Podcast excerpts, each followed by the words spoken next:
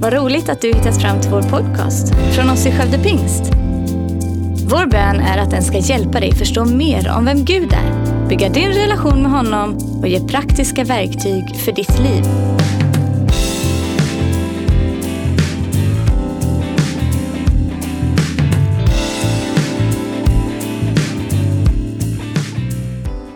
Eh, vi har predikat här utifrån Haggai bok. Det är en bok som, som i alla fall inte jag har predikat så mycket utifrån tidigare.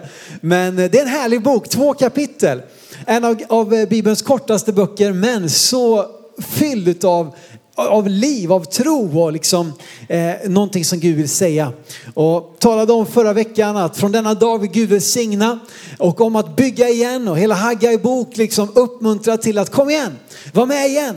Låt oss inte liksom tappa bort geisten, låt oss, låt oss hämta nya krafter, låt oss i, i, på nytt liksom vara med och bygga Guds hus. Och eh, idag så vill jag fortsätta eh, och prata om att på denna plats ska jag ge frid. Och nu är inte jag jag, utan nu är jag Gud i Jesu namn. Att Gud vill ge frid på denna plats. Vi ska läsa ifrån Markus kapitel 4. Eh, ett eh, spännande eh, sammanhang, en riktig sån här söndagsskolestory eh, som du som kanske gick i kyrkan som barn kanske hörde den och såg de här flanellograferna. Hur många kommer ihåg flanellografen? Va? Ja men det är härligt, det är ganska många ändå. Det, där har vi liksom upptäckt många av Bibelns berättelser där man sätter upp såna här filtbitar på en tavla och, och liksom målar upp bibelberättelserna. Och det kanske var, det kanske var lite mer liksom levande och våldsamt när det väl hände, men i alla fall, vi minns dem, berättelsen. Och Markus 4, från vers 37 står det så här. De är ute och åker på Genesarets sjö här, eh, Jesus och hans lärjungar, och då står det att det kom en stark stormvind. Och vågorna slog in i båten så att den höll på att fyllas. Själv låg han, alltså Jesus, i akten på en dyna och sov. De väckte honom och sa, mästare bry dig inte om att vi går under. Han vaknade, talade strängt till vinden och sa till sjön, tig, var tyst. Då la sig vinden och det blev alldeles stilla. Det är häftigt. Alltså, det här är mer än bara en illustration på flanellograf. Det här är en riktig berättelse. Vi tror att Bibeln är sann. Jag tror att Bibeln är sann. Och jag tror att det här bara vittnar om vem Jesus är. Vittnar om den guden som vi sjunger om, som vi ber till, som vi älskar och som vi vill introducera dig till som kanske ännu inte har upptäckt livet med Gud. Och det här är den han är. Att han är en Gud som, som talar till stormar och ger frid. Och på denna plats ska Gud ge frid. Och jag vet inte om du har tänkt på det, det här uttrycket. Det är ju vanligt att vi talar om lugnet före stormen. Det har ni säkert hört allihopa. Eh, och eh, kanske lugnet liksom från det att ett barn drar liksom huvudet i en kant till skriket brister ut. Lugnet före stormen. Eller från det att eh, liksom timmarna innan en stor skandal läcker ut i media. Lugnet före stormen. Eller eh, när blixten lyser upp himlen eller liksom lyser upp rummet. Och så går de där sekunderna till åskans muller liksom brakar loss lugnet före stormen. Eller ni som har sett Emil i Lönneberga. Från det att Emil gör ett hyss till dess att antingen pappa Anton eller mamma Alma utbrister Emil! Förgrömmad unge! Och så springer han till snickarboa och så får han sitta där och lugna ner sig lite grann. Lugnet före stormen. Gemensamt med det här är att oavsett hur lugnt det är så bär det ju hela tiden en känsla av att någonting illa är på väg. Någonting otäckt kommer att hända, någonting eh, liksom hemskt är på väg. Kommer det börja brinna tack vare åskan? Kommer barnet att ha liksom, vad vet jag, eh, måste åka in till akuten och, och sy stygn eller whatever. Eh, eh, att det finns liksom en, en liten förväntan att, att ja, förr eller senare kommer det här lugnet att bli en storm. Förr eller senare kommer det här lugnet att bli till kaos.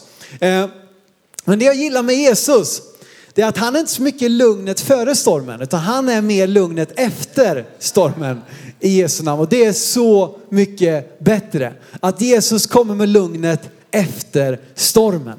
Här så såg vi hur det blåste upp och det var säkert lugnt när de la ut på, på sjön och åkte ut på den här båten och Jesus han somnade ju till och med och även om det då är storm och allt vad det är så kommer Jesus med lugnet efter stormen. Och det är den han är. Han är Herren vår frid. Han är fridsfursten talar Jesaja 9 om. Han kommer med frid in i varje given situation. Filipperbrevet talar om att vi kan få be och göra våra önskningar, liksom bara låta våra hjärtans önskningar bli, bli kända för Gud. Och då ska han låta sin frid fylla oss. Han vill alltså ge av sin frid och på denna plats ska jag ge frid, säger Gud.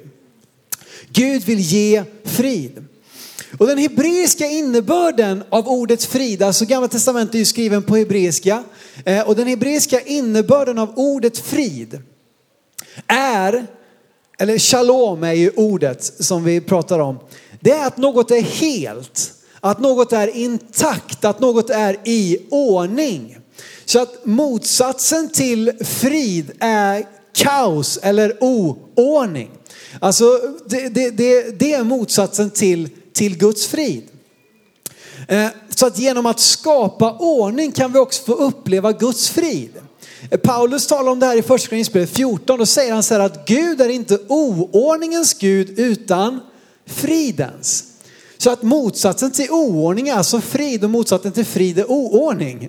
Så att när Gud talar om frid då vill han komma in och göra oss hela. Han vill komma in och göra oss intakta. Han vill komma in och skapa ordning och reda i våra liv.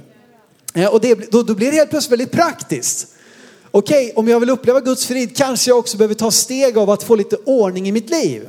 Och tillåta honom bli väldigt praktisk i mitt liv. Att okej, okay, jag kanske måste ändra lite på mina sömnvanor. Jag kan inte klaga på att jag aldrig upplever Guds frid om jag liksom går och lägger mig fem på morgonen och, och liksom, vad vet jag, ska gå upp två timmar senare. Åh, det är så hemskt, jag får, Gud ger mig aldrig någon frid. Ja, men gå och lägg dig i tid människa. Så kan du få uppleva frid. Eh, så att, och oavsett vilken Eh, eh, och, eh, jo, jag ska ta en liten sån här. Att när frid, utan ordning ingen frid, utan frid ingen ordning. Utan ordning ingen auktoritet och utan auktoritet inget Guds verk. Alltså när friden kommer då kommer en ordning och det finns en ordning, det finns en auktoritet, alltså det finns en tyngd, en kraft. Och det kan leda till ett Guds verk. När Jesus undervisade så var folket, de var här, de häpnade över hans undervisning. Varför då? För han undervisade med auktoritet och inte som någon skriftlärare som bara liksom svajade runt i lite, de kunde allt, de hade massa kunskaper men, men det fanns ingen tyngd i det de sa därför att de, de bar inte, det, det förmedlade inte en frid, en ordning, en kraft. Eh, och jag tror att Gud vill göra mycket genom oss. Eh, och, och, det börjar med hans frid. Att han vill låta sin frid liksom bara lägga sig över, över våra gudstjänster, inte minst över ditt liv, över din familj, över ditt hem, över din arbetsplats vill Gud komma med sin frid och sin ordning. Och oavsett vilken storm du är i just nu så vet detta. Jesus vill komma med lugnet efter stormen i form av sin frid. Och det är också så härligt med Gud och det som också Haggais bok talar om att, att det finns någonting bättre som väntar. Att det bästa är alltid framför med Gud. Att Gud han är aldrig kvar, han är aldrig fast i det förgångna på ett sätt som att ja, det var bättre förr och nu får vi liksom hoppas att vi kan uppleva någon slags skugga av det som en gång var. Nej, Gud har alltid tankar och planer som innebär att han har någonting bättre som väntar. Och det bästa av allt är naturligtvis himlen när vi ska få vara tillsammans med honom i all evighet. Det är det bästa som väntar. Men även här på jorden vill Gud låta det ske någonting bättre. Och i Haggai bok kapitel 2 pratade om det förra veckan om att bygga igen, om att, om att, eh, att folket utmanades. Kom igen nu! Nu har du väntat för länge, nu har, nu har husbygget, nu har tempelbygget liksom stått i träda lite för länge. Nu är det dags att börja bygga igen. Och så talar Haggai och profeterar i Haggai 2 och 10 att den kommande härligheten hos detta hus ska bli större än den förra, säger Herren Sebaot. Och på denna plats ska jag ge frid, säger Herren Sebaot. På denna plats ska jag ge frid. Det kommande ska vara större, den kommande härligheten ska vara större.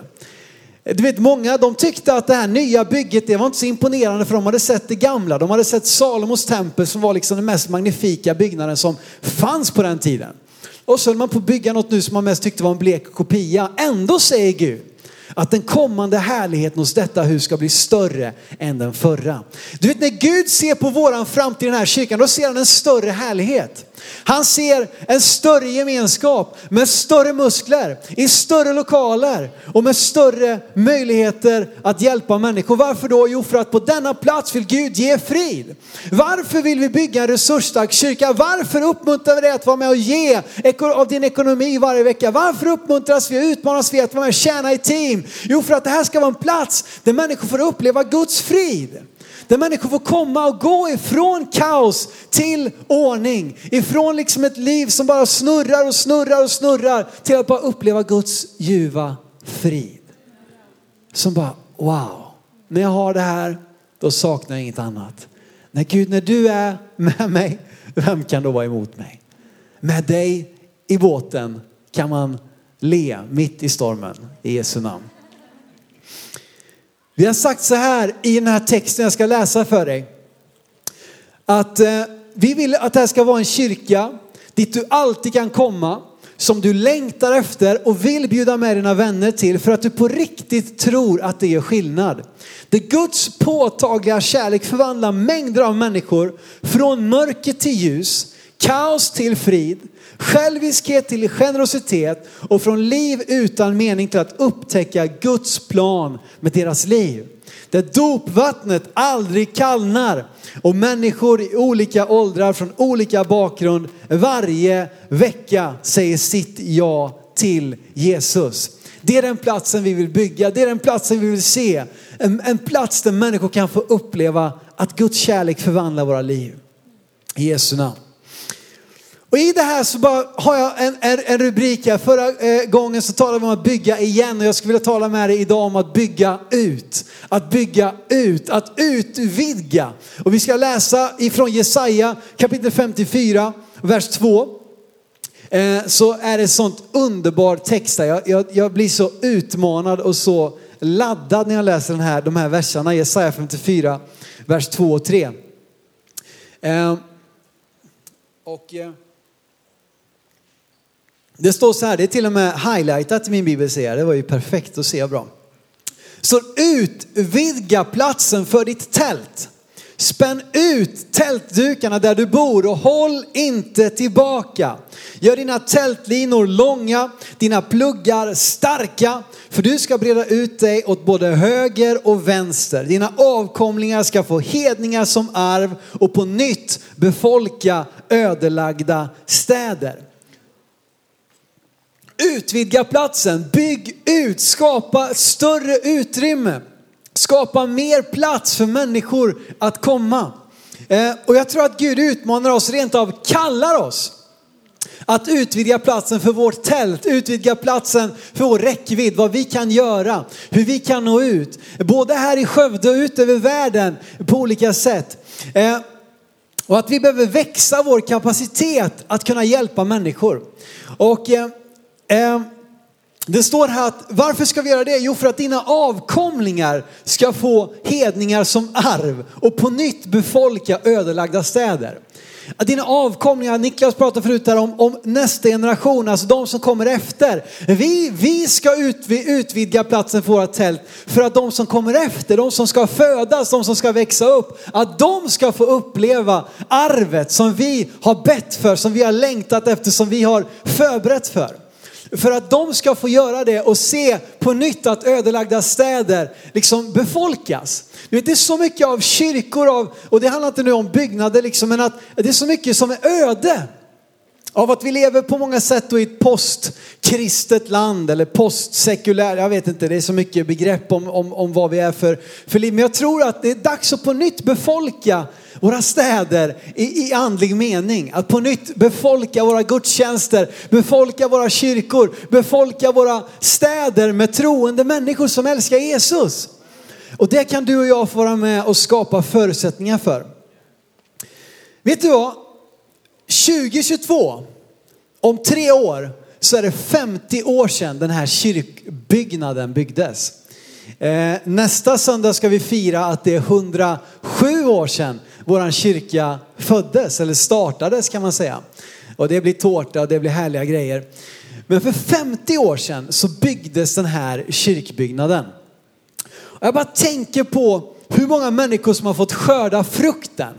Som har fått njuta, Niklas var inne på det förut, som har fått njuta av den generationens uppoffringar. En del av er minns det. En del av er var med då. Många av er vet de, era föräldragenerationer som ni vet var med och gjorde det. En del av er vet de som var med och tog eh, liksom lån och gjorde enorma uppoffringar för att det skulle få ske. Och jag vet att min pappa berättade, han var ju ung på den tiden och kom in och ströge här. Han var ju körsbärapöjk så han liksom Skövde det var ju lite storstan och här var lite så här. Men han kom här och ströga med sina amerikanare. Och så sa han det på 70-talet när kyrkan var nybyggd. Och den bara lös här uppe på, på kullen. De åkte förbi här nere liksom. Nu är det ganska uppvuxet så. Men han berättade om det, vilken grej det var liksom. Det, det, var, det, bara, det var ett sånt landmärke. Så beskrev han det. Ni, ni får gärna rätta mig, ni som, eller beskriva själva ni som var med på den tiden. Men bara att det var ett landmärke, det var ett statement. Det byggdes under en period när nästan inget annat byggdes här i staden. För det, det var, det var typ byggstopp, jag kommer inte ihåg exakta termerna, men det, det var inte lätt att bygga. Det var inte liksom, ja men allt är klart, allt är betalt, alla får bygga. Nej, det var tufft, det var uppoffringar, det var långsiktighet. Och faktum är att när vi hade vårt 100-årsjubileum här för sju år sedan, alltså nu börjar jag känna mig gammal här när man får liksom vara med och prata om gamla jubileum och grejer liksom att, att sådär va. Men då gjorde vi en del härliga filmklipp. Bland annat så gjorde vi ett, ett filmklipp med en man som heter Ove Olsson och många av er minns honom med, med värme. Eh, en gudsman som var med verkligen, han var i tät i den här kyrkan i, jag vet inte hur många år, men i stort sett hela sitt liv. Eh, och han berättade om kyrkbygget då och vi ska kolla på det filmklippet. På 60-talet då började man ju att trycka på ordentligt, vi måste ha en ny kyrka. Man ville ju bygga en ny kyrka på den tomten som var där nere vid Trädgårdsgatan. Men det var byggnadsförbud. På granntomten hade ju kommunen byggt Kulturhuset och man hade nog planer att man ville spara den här tomten där Philadelphia låg till någonting annat än en kyrka. Det var stopp. Ända fram till i slutet på 60-talet då lyckades vi förhandla oss till ett byte. Så vi fick byta vår gamla tomt till den nuvarande tomten där vår nuvarande kyrka står. Vi fick en tomt som var fyra gånger så stor som den gamla tomten. När vi fick tag i den här tomten då började ju organisationen för den nya kyrkan. Man startade upp eh, med ett arbetsutskott och där hade jag förmånen att få sitta med i det arbetsutskottet. Ordförande var Eva Svanell. Han är ju numera hemgången till Herren men vi minns honom, de flesta av oss, med stor glädje och tacksamhet. Utöver arbetsutskottet som väl bara var fyra, fem personer så fanns det 15 olika arbetsgrupper som fick tycka till i olika saker. Kostnaden för eh, kyrkan när den byggdes stannade till 2,7 miljoner. Det samlades in mycket pengar och många medlemmar gav. Man tog till och med lån och gav pengar till församlingen. Och så fick vi då tillstånd och fick eh, löfte att sätta spaden i jorden 1 augusti 1971. Och sedan kunde vi då inviga kyrkan 1972 till församlingens 60-årsjubileum. Att en kyrka, en armélokal, ett missionshus eller en samlingssal är ett Guds hus, det beror inte på arkitekturen, utsmyckningen eller de yttre resurserna det beror på den som samlas där till gudstjänst. Är det människor vars hjärtan är öppna för Herren, då är det en verklig gudstjänstlokal. Men den är inte endast till för de troende. Gud vill också att församlingen ska vara ett redskap för att föra människor till honom. Och i den meningen skall Pingkyrkan vara Skövdes kyrka, öppen för alla människor. Här skall de finna vägen till frälsning ro och frid, en positiv gemenskap. Vi har inte ordningställt allenast en möteslokal. Det är ett andligt hem därför att Jesus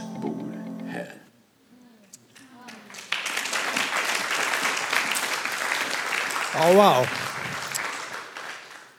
Nu blir jag lite gripen på slutet här faktiskt. Men eh, det är stort. Det var också Conny som döptes här på slutet. När, jag tror när kyrkan invigdes, för 50 år sedan snart.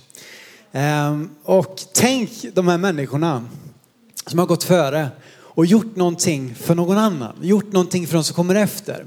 För att möjliggöra att det ska finnas en plats där människor kan få uppleva Guds frid.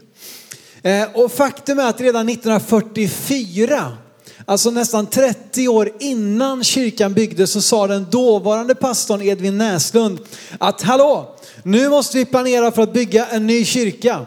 Redan 1944 och så startade man en byggnadskassa 1944. Och han sa så här, för att kunna förverkliga vår stora tanke, uppföra en ny och för vår verksamhet ändamålsenlig kyrka. Redan 44, när man precis bara några, något årtionde tidigare byggt ut den dåvarande kyrkan som ju är där Hotell Majoren ligger nu precis bredvid Kulturhuset, ni som inte känner till det. Där hade vi kyrkan förut. Man byggde ut den 1931 och redan 44 så insåg man bara nej, vi måste, vi, det måste finnas mer plats, vi måste bygga nytt. Och så började man drömma, man började be, man började tro Gud om någonting. Man började ge långt innan det var en möjlighet. Och tänk att de var med och gav redan 44 någonting som kommer att ske 72. Och nu tror inte jag att vi ska ha så, alltså tiden är, är, snar, tiden är knapp. Och jag tror att vi behöver liksom speeda upp. Men tänk att vi kan vara med nu och börja lägga grundplåten för något som kan hända inom en snar framtid. Jag tror att det är dags igen. Och jag tror att det är det som Hjärta för huset handlar om. Att vi ska vara med och ge, skapa förutsättningar för de kommande 50 åren. Att ska det finnas en kyrka här också om 50 år eller ska det här vara något som sakta men säkert liksom, eh, eh vad vet jag, fallerar, krymper. Jag tror att det är dags att på nytt sätta kyrkan på kartan i Skövde som ett landmärke. Att någonting, wow, har ni sett? Det är en av de liksom häftigaste, mest spännande kyrkor eller byggnaderna i hela stan. Och framförallt ska vi skapa en mötesplats mellan Gud och människor. Det är det det handlar om. En mötesplats mellan Gud och människor för nästa generation. För att de ska kunna nå sina vänner och få hedna folken som arv. Att få se människor som inte känner Gud få komma in i Guds underbara gemenskap, i Guds familj och få se sina liv förvandlade. Där vi ser som sagt de tomma städerna, de tomma liksom städerna där det, där det inte längre finns så många bekännande kristna, att det på nytt ska få befolkas, växa, stärkas och fyllas med liv, rörelse, väckelse. Och det är vad Hjärta för huset handlar om. Jag tror att det behövs en stark kyrka i den här regionen. Det behövs en, en fyrbåk, liksom. en, en plats som, som på något sätt står som en, eh, en, en väktare på muren och bara liksom skapar utrymme också för andra. Och vi har pratat om det. Eh, och det är vad Hjärtafruset kan göra. Förutsättningar för tillväxt, expansion, evangelisation, utveckling. Vårt regelbundna givande eller tionde som jag vet många av er är med och ger, att man ger 10% av sin inkomst in i Guds församling. Vilket jag verkligen vill utmana fler att göra som säger det här är mitt andliga hem. Och därför är jag också med och investerar, ger ett tionde. Och det är ju det som gör att vi kan hålla igång här liksom år, år ut och år in. Att vi kan se till att betala löner, att våra team har en budget att jobba med, att vi kan ta hand om vår fastighet, att vi kan hjälpa människor på olika sätt, att vi kan liksom göra allt det som Gud kallar oss till. Men jag tror att Hjärta för huset, att en gång om året så gör vi någonting som går utöver vårt regelbundna. Vi ger liksom ett, ett verkligt offer. Alltså ett offer är ju någonting som, som kostar någonting, som, som känns, som märks och som gör liksom, eh, det, det, vi tar i och det, det, det blir en uppoffring för oss. Eh, och det är vad Hjärta för huset är. Och därför så vill jag bara uppmuntra dig att vara en del utav att lägga en grundplåt för det som Gud vill göra framåt. Att ge till visionen, att ge till att vi ska kunna se en växande kyrka. Eh, och det vi eh, också talar om i det här med hjärta för huset, det är inte liksom att alla ska ge lika mycket, det är omöjligt. Jag menar vi har helt olika förutsättningar. Men utifrån våran situation kan vi ge med samma uppoffring. Vi kan göra en uppoffring utifrån våran situation för att vara med och så in i det som Gud vill göra. Och återigen, det är vad hjärtafruset är. När vi gör insamling här nu sista söndagen i september eh, och vi får ge våran löftesgåva och sen rent praktiskt kommer det vara så att man där kan man antingen ge liksom direkt det man vill eller lämna en löftesgåva och så har man fram till sista november på sig att betala in den löftesgåvan eh, och eh, så vidare. Men att det får vara med och bara lägga en grundplåt. Eh, och några saker som, som jag skulle vilja drömma tillsammans med dig om. Det är dels som sagt det här, jag tror att, att det var bara något som klack till i mig, just det här med att 2022 är den här kyrkbyggnaden 50 år. Tänk om det skulle vara startskottet för någonting. Alltså tänk om vi skulle liksom sätta spaden i jorden 2022. Nu är det en del som vi, ja det är bygglov och det är plan, detaljplaner och det är budget och det är allt vad det är. Och liksom, jo, jo, men strunt i det nu. Tänk om vi kunde ta i alla fall ett konkret steg. Tänk om det kunde vara året där vi lämnar in bygglovshandlingarna. Tänk om det kunde vara året där vi säger nu har vi finansierat, vi har en grundplåt så att vi kan ta, göra det vi behöver för att kunna bygga ut kyrkan. Jag vet inte, men tänk om 2022 kunde få vara verkligen bara BAM! Nu tar vi steg för att det här ska vara en kyrka de kommande 50 åren. Att det här ska vara en, en plats som betjänar människor de kommande 50 åren. Och du vet, vi har pratat om att vi behöver byta tak här i kyrkan. För några år sedan insåg vi det, inom några år sa vi, för några år sedan så kommer vi behöva byta taket. Kanske kostar en halv miljon, jag vet inte exakt. Eh, men jag bara känner, vi måste ha en större vision. Jag tycker vi ska byta taket, men vi ska bygga ut kyrkan när vi gör det. Vi behöver drömma större, vi behöver liksom ta i lite mer, vi måste våga göra samma uppoffringar som Ove och de andra gjorde för att vi sitter här där vi gör idag.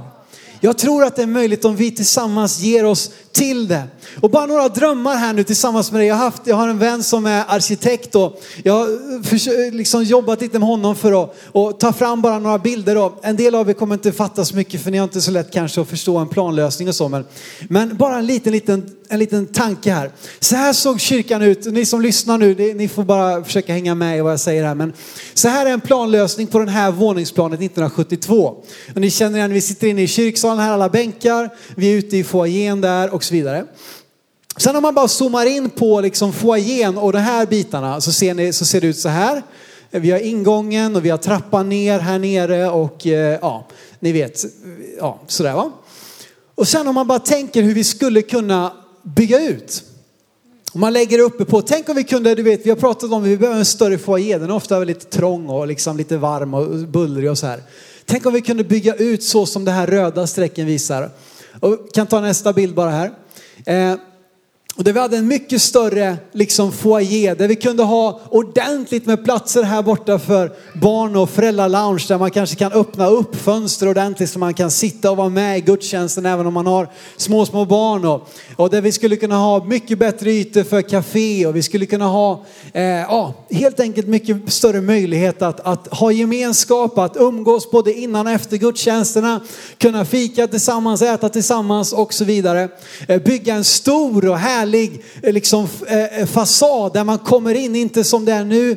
Det var ju härligt på 70-talet men det är lite mörkt, lite murrig våran entré. Liksom, kan man komma in här? Och det är tur, som tur är vi sätter våra värdar utanför dörren så man ser dem först och sen så får man lotsas in. Men tänk om vi kunde ha en stor och härlig, vad vet jag, glasfasad liksom där man bara känner wow, det här vill jag gå in, vad är det här för någonting?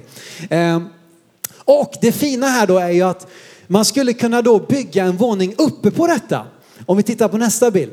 Att vi skulle kunna ha en våning uppe på. Tänk er själva vilken härlig utsikt det skulle vara över parken och staden och, eh, och så vidare. Eh, en, en våning upp där vi skulle kanske kunna ha eh, Eh, ett beredningskök, vad vet jag, vi kanske kan eh, liksom utveckla, ha café, lunch, eh, restaurang, vad vet jag, catering. Eh, kunna ha en, eh, en ytterligare eh, liksom konferenslokal eller lite ny församlingsvåning. En trappa upp där man både skulle kunna ha då samlingslokal för vad jag 100-150 personer eller sitta där vid runt bord och ha dagträffar eller ha eh, olika samlingar, ha liksom you name it, ni förstår grejen. Konferenser och annat. Och det här skulle möjliggöra till att hela nedervåningen skulle kunna vigas åt barn och ungdomar. Eh, att vi skulle liksom slippa det här med att kids, du vet de kämpar lite nu faktiskt våra kidsledare, att de, de ska liksom där nere, de ska både vara ljudtekniker och fikaansvariga och predika och ha lekar och göra allting och plocka fram, plocka bort och så. Men tänk om vi kunde ha liksom vigda lokaler en trappa ner för barn och ungdom, för 180, för kids, där vi skulle kunna eh, bara så, ja ni förstår själva, bara, det finns inga gränser egentligen. Och en trappa upp där man skulle kunna också få en, en, en, en härlig, en ljus, en del av er gillar ljusa samlingslokaler.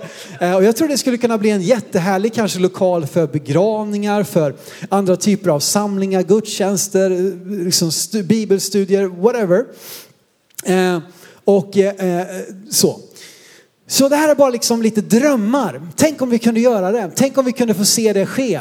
Jag vet att nuvarande detaljplan säger att det här får vi inte göra och så vidare. Men hallå, vi måste börja drömma. Vi måste börja ta steg och det är ju som med byggnadsgrejer att ska vi hända någonting om tre år, om fem år, men då är det idag vi måste börja agera. Idag vi måste börja lägga grundplåt ekonomiskt. Idag vi måste börja rita, ha kontakter med kommun och allt vad det är för någonting som, som vill till. Och tänk om vi bara kunde lägga en grundplåt Eh, den här hjärta för huset, att bara ge, hallå vi ska, vi ska, vi ska starta den där byggnadskassan nu på allvar. Så som eh, Edvin Näslund och gänget gjorde på 40-talet.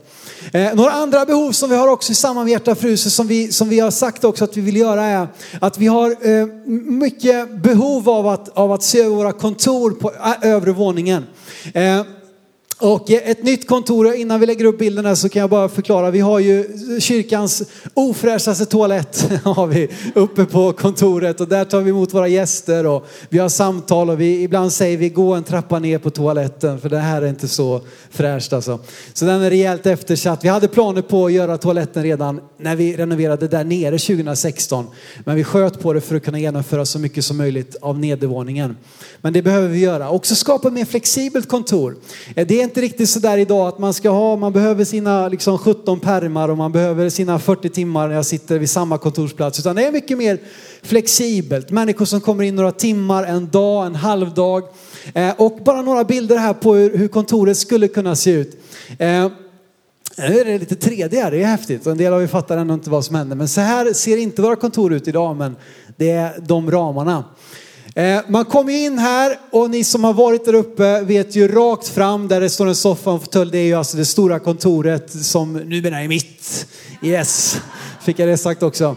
Eh, men sen så då så går man bort i hallen och så är det en dörr där som man kommer in till Eh, två ungefär lika stora kontor.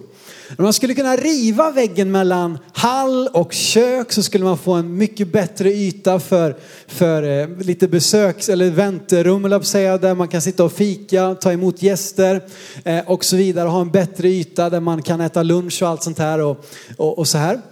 Precis, nu vred vi runt lite här och skulle man kunna flytta den här väggen som är då mellan de nuvarande kontoren. Det var lite mer så tidigare. Eh, och ha ett mer flexibelt kontor där man inte, som sagt, ofta man vill bara lägga sin laptop och sitta och jobba. Ehm, och sen så ser ni längst in där då ett, ett, ett litet konferensrum eller grupprum. Om vi tar den sista bilden ehm, så ser ni där man skulle kunna ha en härlig sån här industriglasvägg så blir det ljust och fräscht och härligt. Och det här är någonting vi skulle vilja göra också genom Hjärta för huset ehm, i år. Eh, och det här skulle kunna liksom lägga grunden för ett, ett, ett flexibelt, liksom det, det teamet som, som växer fram och som redan är igång. Eh, och att vi får ett kreativt, fräscht kontor där man vill vara och jobba, där vi kan ta emot gäster eh, och där det blir en bra miljö för, för alla oss som är här under veckorna och, och kämpar på olika sätt. Då. Ja, nu blir det mycket, plan, mycket liksom snack här, men ett till sätt som du kan vara med och visa ditt hjärta för huset i samband med detta är, är genom kyrkoavgiften. Och nu tycker jag, det kyrkoavgiften, vad är det för någonting? Och har vi inte sagt nog om det och så, men kyrkoavgiften är alltså så att eh, att man genom sin skattesedel så har man traditionellt sett alltid gett eh, kyrkoskatt till Svenska kyrkan. För ett antal år sedan så, så, så skildes kyrkan och staten åt. Och då fick man möjlighet att rikta sin kyrkoskatt till det samfund eller den kyrka där man själv vill att den ska vara med. Det är inte så att det ersätter det regelbundna givandet, tiondet och så vidare. Men det är en, ad, en addition, alltså det, det är ett jättebekvämt typ av givande som vi kan rikta på lite olika sätt. Och när du väljer att rikta din kyrkoavgift hit till kyrkan så är det så att du går 70 procent av din procent till våran lokala kyrka 30 procent går till pingst i Sverige. Och jag tycker också det är något härligt med det att få vara med och faktiskt bidra till pingst. Och ni förstår att är vi många, vi är över 80 000 pingstvänner i Sverige. Skulle alla vi göra det, då skulle det bli stora resurser för pingst som gör att de kan släppa skivor, att de kan stötta församlingsplantering, att vi kan genomföra nyhem och andra saker som vi blir så välsignade av. Eh, så att det här är ett sätt där du och jag kan vara med och också ge till pingst. Och varför tjatar vi om detta då? Jo, vi har sagt så här i församlingsledningen att inför 2020 så vill vi rikta allting vi får in via kyrkoavgiften till anställningar eh, inom barn och ungdom. Vi har redan nu en barnpastor på 25 procent Dan Brohede. Eh, men vi ser ju självklart behov också inom ungdom. Och det här är ett sätt också där du kan bara eh, ha det som ett, en del av ditt givande. Jag tänker, ju fler sätt jag kan ge på desto bättre. Det är ju härligt. Och då kan du veta att om du väljer att rikta det så kommer det skapa förutsättningar antingen för att vi kan utöka anställningen eh, inom barn eller kanske att vi skulle kunna få någon liknande tjänst inom ungdom. Där vi kan få anställa en ungdomspastor och se det växa fram. Så jag vill uppmuntra dig verkligen att ta med det här i, i, i ditt hjärta. Att vara med och ge generöst uppoffrande till Hjärta för huset för att vi ska kunna ha en grundplåt. Eh, att en dag kunna bygga ut kyrkan, att vi ska kunna göra ordning våra kontor. Och om du skulle vilja rikta din kyrkoavgift kan du veta att det kommer att möjliggöra för barn och ungdomspastorer här i kyrkan. Och jag känner, jag, jag, har, redan, jag har redan gjort det, eh, riktat den, den gåvan. Och förra året så såg vi en fördubbling i antalet som gav till kyrkoavgiften. Eh, och det blir liksom en väldigt trygg, en, en stabil inkomst. Eh, så jag vill uppmuntra dig i det. Alright, mycket snack här nu. Men ändå bara vill måla bilden och göra att ni får chans att, att förstå vad som är på gång här. Att uppnå det här att få se liksom den här platsen växa, att få se den här platsen liksom byggas ut eller vad den är för någonting, det kommer inte bli enkelt. En del säger, kommer till och med säga att det är omöjligt, glöm det. Det är för dyrt, det är för svårt, det är för krångligt. Men du vet när någon säger så, då är det lite som att något i mig blir ännu mer taggat. Att kom igen, säg vad du vill, men ingenting omöjligt. Kanske för människor men inte för Gud. Eh, och jag vill bara att vi skulle få vidga våra hjärtan. Vi skulle vidga våra tankar för vad Gud kan göra i och genom oss. Låt oss visa kraften som finns i ett enat folk som älskar Jesus. Låt oss visa kraften som finns i Guds församling. Låt oss imponera, eh, liksom bara wow, vad är det med de där människorna? Att de liksom älskar Jesus så mycket att de har de här möjligheterna. Inte för att såklart imponera, slå oss för bröstet, men för att det ska vittna om den Gud som vi tillhör, som vi älskar. Haggai 2, vers 8 till 10 står det. Jag ska skaka om alla hedna folk och alla folkens skatter ska komma hit. Och jag ska fylla detta hus med härlighet, säger Herren Sebaot. Mitt är silvret i Jesu namn och mitt är guldet, säger Herren Sebaot. Den kommande härligheten hos detta hus ska bli större än den förra, säger Herren Sebaot. Och på denna plats ska jag ge frid, säger Herren Sebaot. Om Gud har sagt det, då vill jag tro på det. Om Gud har sagt det, att det är möjligt, så är det möjligt. Vi har en rik Gud. Och vi kan få koppla upp det vi har fått, det han har välsignat oss med, med hans syften. Silvret och guldet kan inte få en bättre användning eller ett högre syfte än för att bygga Guds rike. Där kan det verkligen få bli till välsignelse. Och när det används för att möjliggöra en plats för Guds härlighet, för Guds frid, och det är det vi vill se. Vi vill inte se en plats här som kan imponera med sina ytor, som kan imponera med sina konferensanläggningar, som kan imponera med, med sin teknik och vad det är för någonting. Vi vill att allt det där ska finnas till för att husera, för att kunna bära Guds härlighet. För att kunna liksom koncentrera Guds frid. Att det ska vara en plats där människor får uppleva Guds underbara frid i Jesu namn. Ska vi stå upp tillsammans hela kyrkan? Gud vill ge oss sin frid. Gud vill fylla den här platsen med sin härlighet och det är någonting jag ber om. Gud, låt oss få uppleva din härlighet. Låt oss få uppleva din frid i Jesu namn. Tack för att du lyssnat. Gärna podden med dina vänner och glöm inte att prenumerera så du inte missar nästa predikan. Om du har några frågor eller vill att vi ska be eller tacka för något tillsammans med dig så får du gärna höra av dig till kyrkan skövdepingst.se. För oss är veckans höjdpunkt söndagens gudstjänst och det vore så kul att träffa dig där. Våra team finns då redo att ta emot dig och det finns även egna samlingar för barnen.